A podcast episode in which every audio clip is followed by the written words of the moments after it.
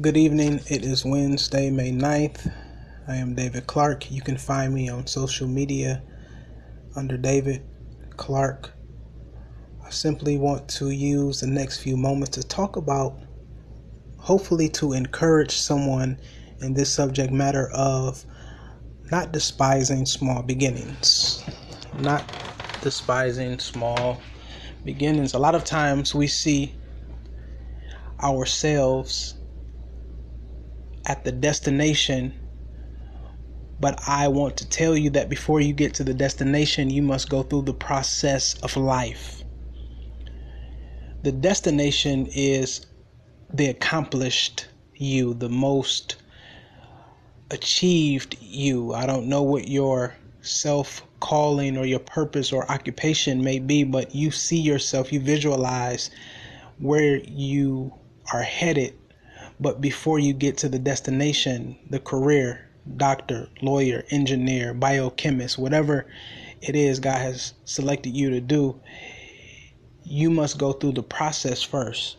And oftentimes, God starts us in small places and in in in, in these low places because these low places teach us how to become they're character building places, skill building places.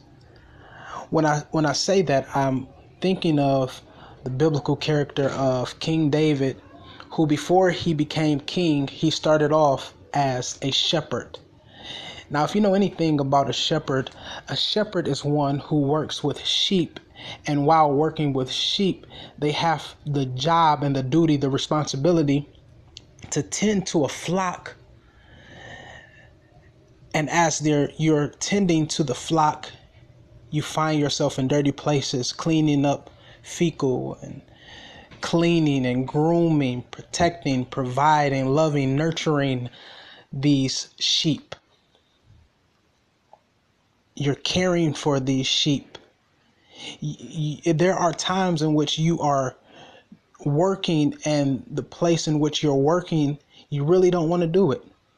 And I think all of us can think about a job that we have had to fulfill and we really didn't want to do this job. But then if you continue on and leave that job and fast forward a little bit and get to a position in life, a place in life where you can remember, you look back and say, Oh, I see why I was working that job. I got a lot more patience because I worked that job I really didn't want to work.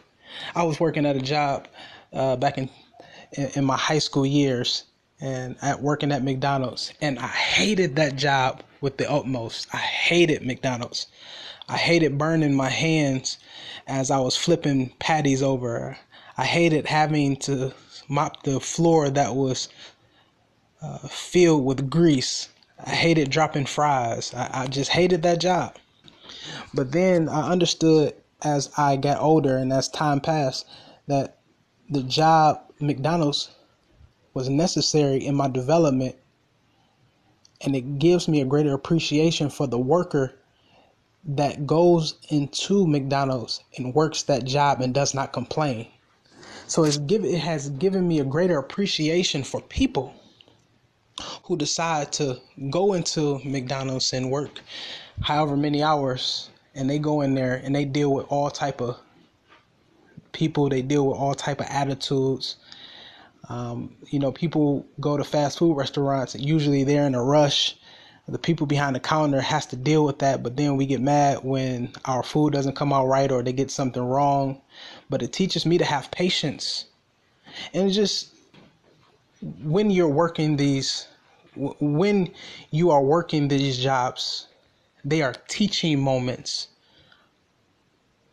that you can look back and gain your greater your own understanding as to why God has you working there.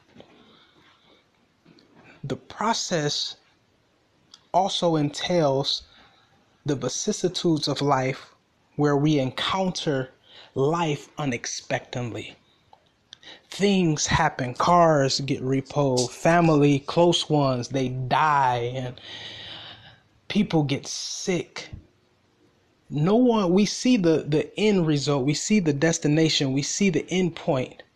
But no one tells us that through the process it's going to get hard.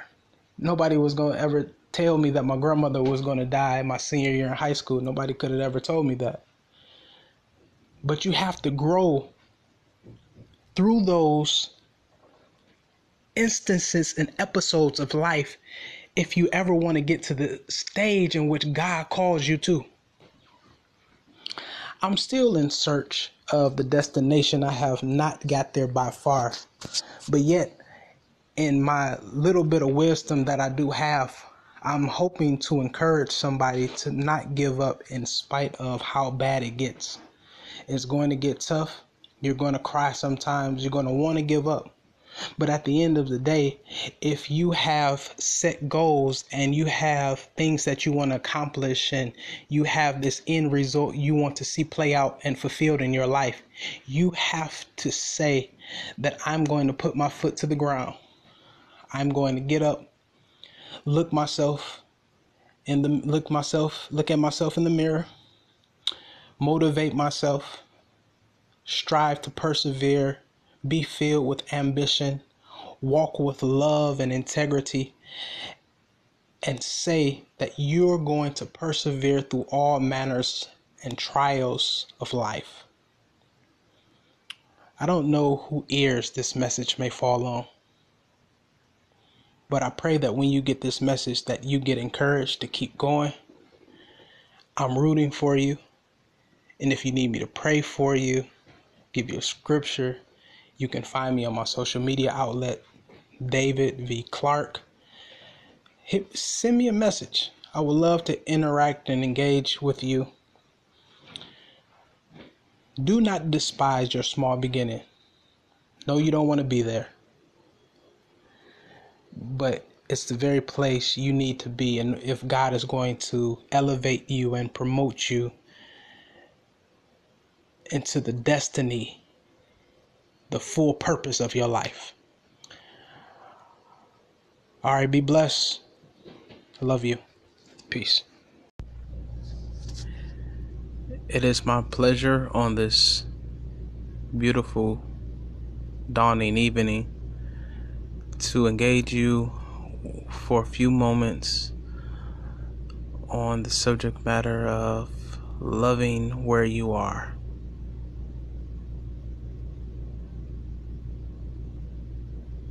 For one to love where they are, to come to a place in their life where they find contentment. Being content plays a huge role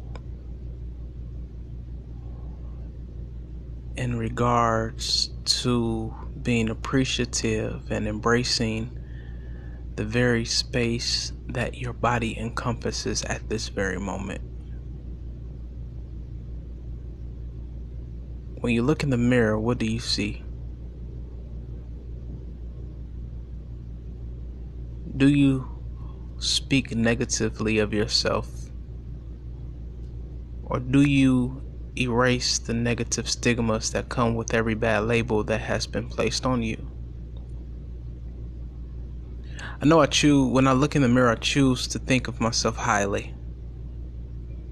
I choose to say that I am successful, I am an achiever, I am God's finest, I am all that God has made me to be, and God did not make me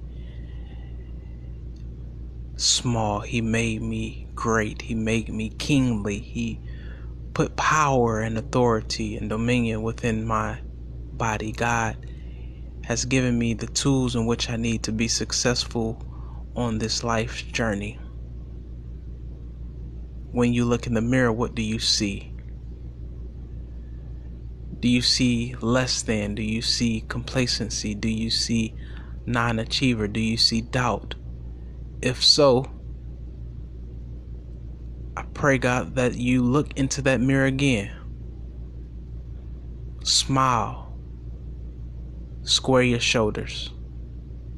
Stare yourself in the face and begin to encourage yourself with positive affirmations that you are confident, you are bold, you are God's most prized possession, you are everything the world needs, you are successful, you are brilliant, you are genius, you are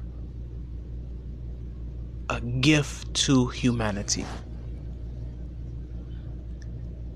As you begin to say these positive affirmations about yourself, you will find yourself sinking into the very place in which you stand or wherever you sit, and you begin to be more grateful and more appreciative of the life in which you live. You cherish